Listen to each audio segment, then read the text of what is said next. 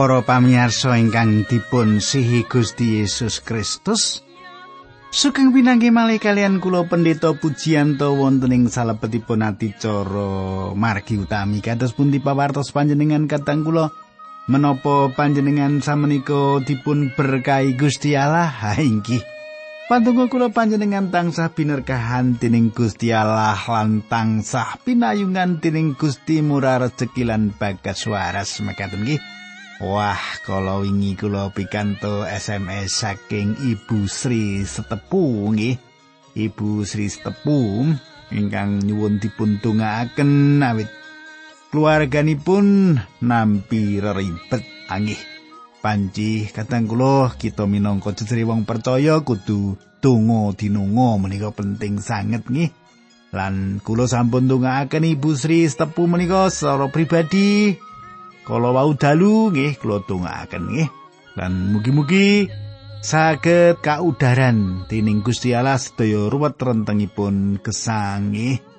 Nah, kadang kula ingkang kula tresnani kados padatan kula sesarengan kelan panjenengan akan panjenengan nyemak kayektosan-kayektosan pangandikanipun Gusti lan akan panjenengan naliti lan nambahi kawruh lan kintune menapa ingkang kula andharaken saged dados berkah kangge panjenengan.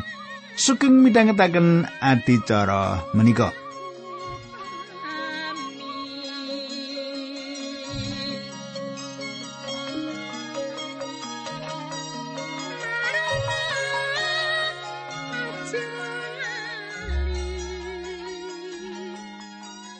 Para pamirsa ingkang kula tresnani ing pepanggihan kepengker kita sampun nyemak pilih Nehemia sampun tumugi Yerusalem makaten nggih.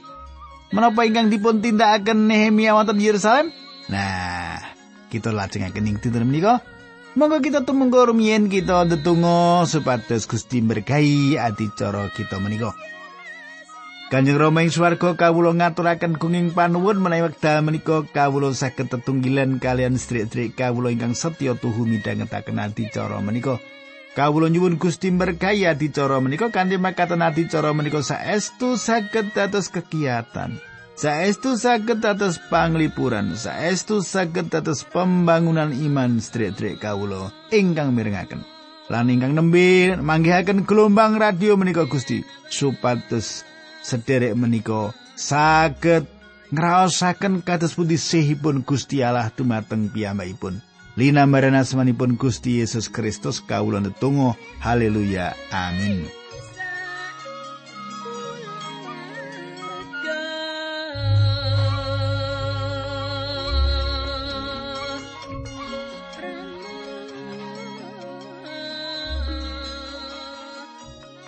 Para pamirsa ingkang kula tresnani samenika pasinaon kita lumebet ing kitab Nehemia bab kalih. Kepengker sampun dumugi ayat kalih welas samenika kita ngancik wiwit ayat 13 bab kalih menika badhe kula waosaken ayat 13 ngantos kawan welas.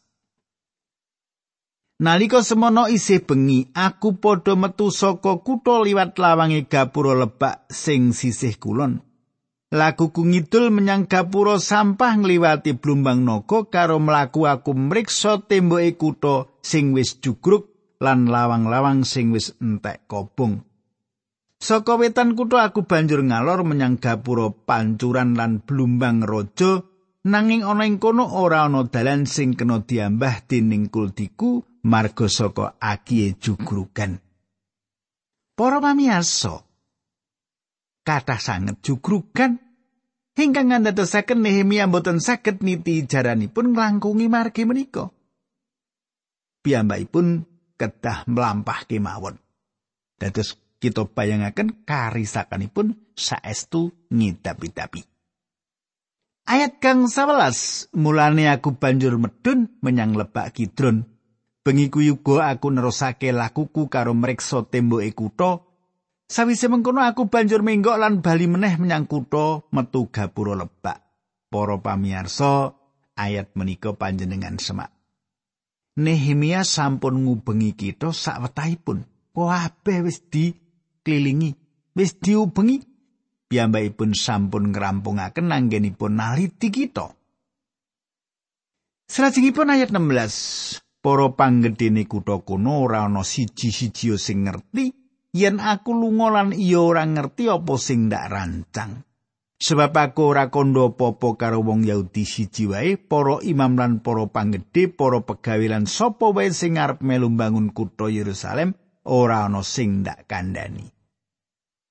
Para pamirsa ingkang kula tresnani. Nehemia ngatos-atos lan perlu gada tetimbangan ingkang sae ing salebetipun nindakaken pakaryanipun Gusti Allah. Kula meningali penyambut damelipun tiang biasa tartamtu ing wekdal menika ingkang sawek ngladosi Gusti Allah. Kala-kala kula betahaken tiang-tiang ingkang saged nyukani pamrayugi wonten ing peladusan kula ing radio menika. Kala-kala. Kala-kala kula betahaken. Betahaken.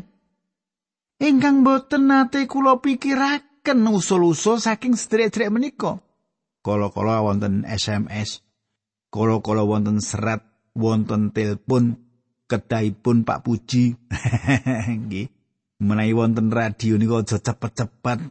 Ah nggih menika saran pamrayugi ingkang boten nate kula pikiraken.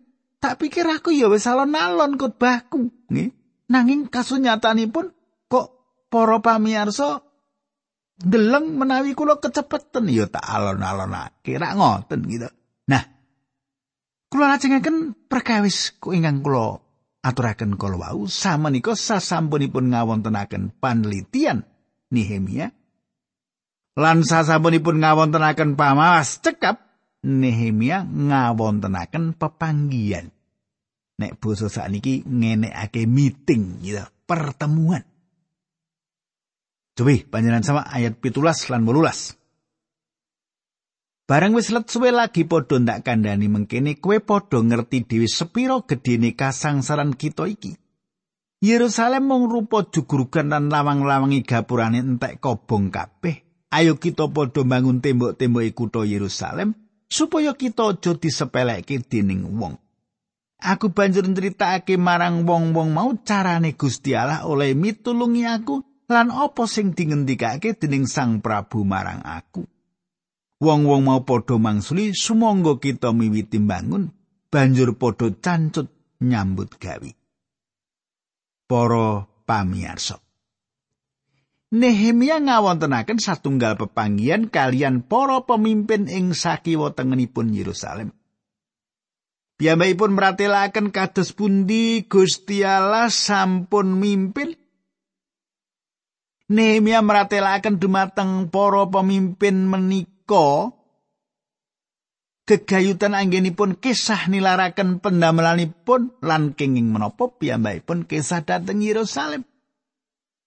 Aku dadi juru inuman ratu iku tak tinggalake lan aku lunga nyang Yerusalem tujuane apa? Para pamirsa, Nehemia sampun naliti Nehemia sampun mangertos kahananipun lan piyambakipun sanjang dumateng tiang-tiang menika. Ayo. Ayo kita nindakake kewajiban iki Gusti Allah nganti kita. Para pemimpin menika nanggapi menapa ingkang dipun sanjangaken Nehemia lan tiang-tiang wau sanjang. Ayo kita gumregah lan bangun Nehemia inggih menika pemimpin ingkang sejatos, pemimpin ingkang nampeni odo-odo saking Gusti Allah piyambak. Para pemimpin nanggapi menapa ingkang dipun sanjangaken Nehemia lan kanthi sakiat tenaganipun bangsa iki bakal miwiti nindakake pakaryan kang apik iku. Nehemia saged ugi nyukani keterangan ingkang jelimet lan nyariosaken dumateng kita kados pundi tiang-tiang menika ngelempak sesarengan lan nyukani tanggapan dumateng kepemimpinanipun. Nanging Nehemia boten nindakaken perkawis menika. Lho kok ora? Piyambakipun menika tiang biasa ingkang gadah pikiran bebas. Ingkang ngatur saking wingkingan. Ora seneng ning ngarep ning mburi wae. Gitu Panjenengan nek teng gereja ra wonten nggih, wonten sederek-sederek sing seneng ning mburi nek kono ngarep ra gelem Pak kamangka tiyang menika pintere ra karuan nggih.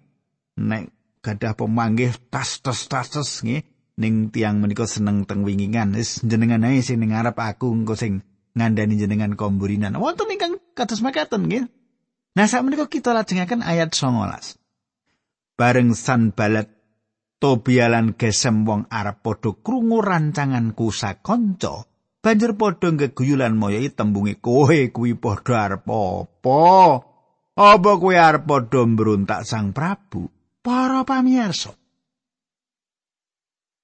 inggih menika para mengsah wonten tiga. Mengsah, mengsah menika wonten tiga. Tiang tiga menika sanes tiang ingkang sekeca dipun ajak sesrawungan. Kulo pitados pilih saben abdi Gusti Allah sanes namung gadah mitra ingkang ngidap-idapi ing sakiwa tengenipun nanging abdi Gusti wau ugi gadah tiang-tiang ingkang kadosta Sanbalat, kadosta Tobia, pelados menika lan Gesem. mengsah badhe ginakaken cara-cara ingkang benten-benten ing salebetipun budidaya ngendokaken semangat panjenengan. Umumipun ngremehaken satunggalipun cara wiwitan ingkang dipun tindakaken mengsah. Halah. Pujian to nglayani radio sing ngrungokno sapa? Ah gitu. Wah, ing wekdal kula nembe mertobat lan mutusaken kangge ngladosi Gusti kathah rencang kula ingkang gegujeng lan malah ngenyek kula. Kula mboten nginten bilih rencang-rencang kula saged ngenyek kula kados makaten. Kula kecalan mitra. Nanging kula terus ndedonga lan Gusti nglipur lan maringi kegiatan dumateng kula. Kula tundhonipun mlebet sekolah teologi lan nderek pendidikan dan pembentukan wonten ing mriku lan puji Gusti awit tundhonipun kula saged ngrampungaken pendidikan kula. Para pamirsa Menika satunggalipun wekdal kawitan ingkang dipun ginakaken Sidur Silo ing salebetipun peperangan lumawan panjenengan. Sidur Silo badhe andhatengaken tiang-tiang ingkang ngenyek panjenengan minangka tiang Kristen menapa malih abdinipun Gusti. Saketuki wonten ing satunggalipun wekdal panjenengan ngraosaken awrat. Inggih kados makaten menika ingkang dipun lampahi Nehemia. Mengsah, mengsah ingkang dipun adepi Nehemia menika ginakaken gaman ngenyek kangge ngendokaken semangatipun tiang-tiang ingkang badhe nindakaken pendamelan ageng bangun malih tembok lan gapura Yerusalem menika. Para pamirsa kita lajengaken ayat kali dosa. Aku mangsuli. Allah ratu ning swarga kang bakal ndadekake aku oleh gawe Aku iki padha para abdine lan arep wiwit mbangun nanging kowe padha ora wenang melu duweni Yerusalem. Malayan wong padha ngrembug bab kutha Yerusalem jenengmu ora bakal kasebut-sebut. Kadang kula. Panjenengan katosaken menapa ingkang dumados kula purun utawi mboten purun tresnani Nehemia lan kula gadah pengajeng-ajeng panjenengan saged nindakaken perkawis ingkang sami ugi. Nehemia sanjang nyingkira aku kabeh bakal miwiti nyambut gawe. Gusti Allah nganti aku kabeh ing proyek kang ndak garap iki. Kados menapa indahipun lan Gusti Allah saestu-estu nganti bangsa menika. Salajengipun Samenika pasinon kita lumebet ing Nehemia bab 3, bab loro rampung, samenika mlebet bab 3. Pasal menika nuntun kita dumateng pembangunan malih tembok lan gapura. Menika salah satu ngalipun proyek ageng piyambak ingkang nate dipun tindakaken. Menapa ingkang dipun tindakaken Nehemia satunggalipun perkawis ingkang ngidap-idapi. Menika satunggalipun perkawis ingkang ngidap-idapi ing pundi Gusti Allah sawek makarya. Panjenengan tingali Gusti Allah mimpin Isra lan Sirubabel malih ing tanah menika kangge mbangun malih pedalaman Allah. Tugasipun benten kalian menapa ingkang dipun tindakaken Nehemia. Nehemia menika tiang biasa lan tugasipun inggih menika mbangun malih tembok gapura Yerusalem. Gusti Allah nindakaken pakaryan kagunganipun lumantar cara-cara ingkang benten kalian tiang-tiang ingkang benten. Gusti Allah tansah makarya kados makaten menika. Para pamirsa. kathah ing antawisipun kita wonten ing salebetipun peladosan wiwit nyobi niru tiang sanes. Niru-niru tiang sanes. Nanging patrap niru menika mboten badhe kasil. Kita kedah dados badan kita piyambak. Menapa nate panjenengan gatosaken menapa ingkang dipun tindakaken Gusti Allah kegayutan irung mripat tutuk lan talingan? Panjenenganipun saged yoso setunggal triliun praupan rai lan boten wonten praupan ingkang sami. Panjenenganipun temtu kemawon saged nitahaken maneka rupi praupan. Panjenengan ugi saged yoso driji ingkang boten kantenan gunggungipun nanging garis driji ingkang kathah menika sedayanipun benten. Gusti Allah nindakaken kados mekaten awit panjenenganipun ngersakaken supados saben tiyang dados badanipun piyambak. Para pamirsa. Carios pembangunan malih tembok Yerusalem dipun paringaken dumateng kita lumantar cara ingkang ngidap-idapi. wonten sedasa lawang gapura dados satunggalipun cariyos kangge kita. Dipun wiwiti lawang gapura mendo lan dipun pungkasi lawang gapura mendo kala-kala tiang tanglet rak wonten lawang-lawang gapura sanes ing Yerusalem. Kulo gagas mboten wonten lawang gapura sanes ing wekdal semanten sinaosa saged kemawon wonten ingkang sanes. Sedasa lawang gapura menika dipun pilih kangge nyariosaken cariyos Injil. Sedasa lawang gapura menika meratelaken rancangan Gusti Allah gegayutan kalian kawilujengan. Monggo kita wiwit ningali ayat tunggal saking kitab Nehemia 3 menika. Ayat tunggal. Laporan bab pembanguning tembok Yerusalem kuwi mengkini. Imam Agung Eliasib lan kanca-kancane mbangun gapura wedhus gembel, masang inepe lawang-lawange lan disucikake kagem Allah. Saka kono padha mbangun tembok lan disucikake tekan menara satus lan tekan menara Hanan Neel. Para pamirsa ing lawang gapura mendo samukawis dipun wiwiti. Menika lawang gapura ing pundi Gusti Yesus mlebet Yerusalem. Kita gadah seratan kekayutan satunggal lelampaning pundi panjenenganipun rawuh ngelangkungi lawang gapura menika lan dumugi ing kolam Bethesda. Yohanes kang sayat kali. Terus terang. Kulo gagas saben panjenenganipun ginakaken lawang gapura mindo kangge lumebet Yerusalem ngantos dumugi rawuhipun ingkang kebak kamimpangan ing wekdal panjenenganipun lumebet lawang gapura sisih wetan. Wonten tiyang ingkang lepat nyetakaken lawang gapura sisih wetan kanthi lawang gapura emas.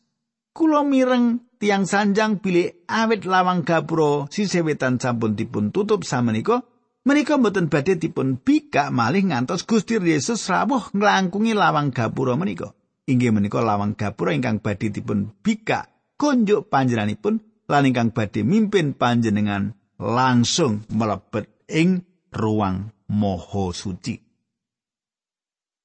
Kadang kula lawang gapura mindo inggih menika lawang gapura ing pundi lumantar lawang menika kewan-kewan dipun tuntun kangge dipun korbanaken. Inggih menika lawang gapura ingkang dipun agem Gusti Yesus. Manut kula Gusti Yesus ngagem lawang gapura menika minangka satunggal pasemon ingkang gesang. Panjenenganipun sawek maringi pasemon menapa ingkang dipun ngandikaken Yohanes Pembaptis kegayutan panjenenganipun delengen. Iku cempening Allah kang ngilangi dosane jagat. siji Yohanes siji ayat songo likur B. Panjenenganipun inggih menika cempening Allah ing salebeting pribadi panjenenganipun lan pakaryan panjenenganipun. Gusti ngruwat dosanipun jagat. Awit saking menika lawang gapura mendo nglambangaken salib Sang Kristus. Inggih wonten mriki panjenengan wiwit kalian Gusti Allah. Salib satunggal-tunggalipun papan panjenengan saged miwiti patunggilan kalian Gusti Allah. Gusti Allah mboten nyuwun menapa-menapa saking kita saderengipun kita sowan dumateng Sang Kristus lan nampi panjenenganipun minangka juru wilujeng. Gusti Allah namung gadah satunggal perkawis kangge dipun lantaraken dumateng jagat lan menika apa kang kok tindakake gegayutan karo putraku kang wis mati kanggomu. Saderengipun panjenengan atur wangsulan menika, panjenenganipun boten badhe dangu kegayutan peladusan lan pakaryan panjenengan. Para pamirsa, menawi panjenengan nampi panjenenganipun lan boten purun nampi putranipun, pramila panjenenganipun boten badhe dawuh menapa kemawon dumateng panjenengan supados panjenengan tindakaken. Panjenenganipun boten kepareng kekayutan amal saya panjenengan lan panjenenganipun ugi boten ngersakaken arto panjenengan. Panjenenganipun boten ngersakaken menapa-menapa saking panjenengan. Kosok bangsalipun panjenenganipun kagungan satunggalipun bab ingkang badhe kaparingaken dumateng panjenengan. Putranipun sedo kangge panjenengan. Inggih menika lawang gapura mendo ingkang netepaken gambaranipun dumateng kita menika sedaya wiwit saking gapura mendo. ayat kali ing sandingi iku kang padha mbangun wong ing Yeriko lan ing sandingi meneh kang bangun Sakur bin Imri Para pamirsa Yeriko inggih menika papan ingkang dipun laknat lan tiang-tiangipun nyambut damel ing sisih lawang gapura mendo. Perkawis menika ingkang dados kawigatosan kula tiang-tiang Yeriko kesah dhateng Yerusalem wiwit subuh saking ngari Yordan. Tiang-tiang menika mbangun pas ing sisih lawang gapura mendo. Menawi panjenengan wonten ing sakiwa tengenipun Gunung Saitun ing margi tumuju Yeriko, panjenengan badhe wonten ing papan tiang-tiang menika nyambut damel. Puncak pedalaman Allah lan daerah pedalaman Allah wonten ing sakiwa tengenipun papan menika. Yeriko satunggalipun kita ingkang nate dipun ipati-pati. Yosua sanjang wong kang bakal tumandang bangun kita Yeriko iki yo sia 6 ayat 6 likur ing jaman pemerintahan Ahab wonten tiang kang bangun malih kita menika lan ipat-ipat nempuh tiang menika lan lari-larenipun menika satunggalipun kita ingkang kenging ing ipat-ipat. Para pamirsa panjenengan lan kula gesang ing salebetipun jagat ingkang sampun dipun laknat dening dosa samenika Kula mboten perlu sisa-sisa ningali jagat menika menapa ingkang perlu panjenengan tindakaken inggih menika ningali kahanan ing sakiwa tengen panjenengan.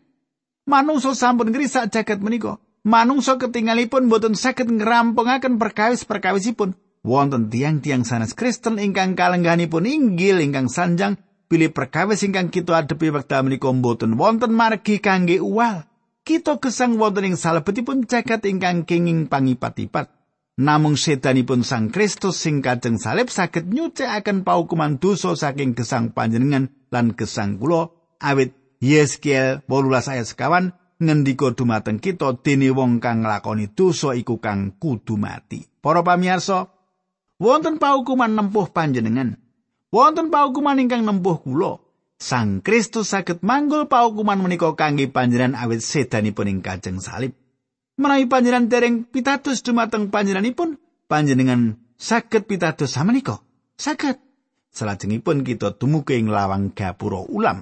Ayat 3. gapura iwak kebangun dening Bani Sena diterapake dulurung-dulurung inep kancingan lan slara. Para pamirsa, dateng lawang gapura menika ulam dipun beto saking laut tengah lan kali Yarden. Kathah tiyang ingkang remen nadha ulam ing jaman semanten lawang gapura ulam satunggalipun papan ingkang gampang dipun panggihaken. Panjenengan badhe saged ngurut papan menika samenika lawang gapura ulam menika nglambangaken menapa? Gusti Yesus ngendika dumateng tiang-tiang kang nderek panjenenganipun, kowe bakal ndak dadekake tukang jolo manungsa. Matius kawan ayat songo. Para pamirsa sesampunipun para murid sinau kasunyatan-kasunyatan Injil, Gusti Yesus ngendika dumateng para murid, sebanjure kowe bakal padha ndak kirimi apa kang wis dijanjekake dening ramaku, nanging kowe padha ana ing kutha kene dhisik nganti kowe wis padha kaparingan kasekten saka ing aluhur. Inggih menika panjenenganipun Aja lunga dhisik, enteni nganti kowe dibaptis dening Roh Suci. Ndak makwoni dening Sang Roh Suci, dianyarake dening Sang Roh Suci lan sebanjuri kapenuan dening Sang Roh Suci. Ing dinten Pentakosta para murid kapenuan dening Sang Roh Suci lan tiang-tiang menika dados tukang njolo manungsa. Jaman samenika inggih menika ingkang dipun ngendikaken Gusti Allah dumateng umat kagunganipun. Panjenenganipun boten nyuwun dumateng tiang ingkang dereng kawilujengaken supados dados tukang njolo manungsa. Kados pundi saged? tiang ingkang dereng kawilujengaken tiang ingkang dereng dipun wilujengaken boten badhe mangertos menapa ingkang sawak dipun rembak Gusti Allah nanging Gusti Allah ngendika dumateng umat kagunganipun aku ngersakake kowe kabeh dadi tukang jolo manungsa.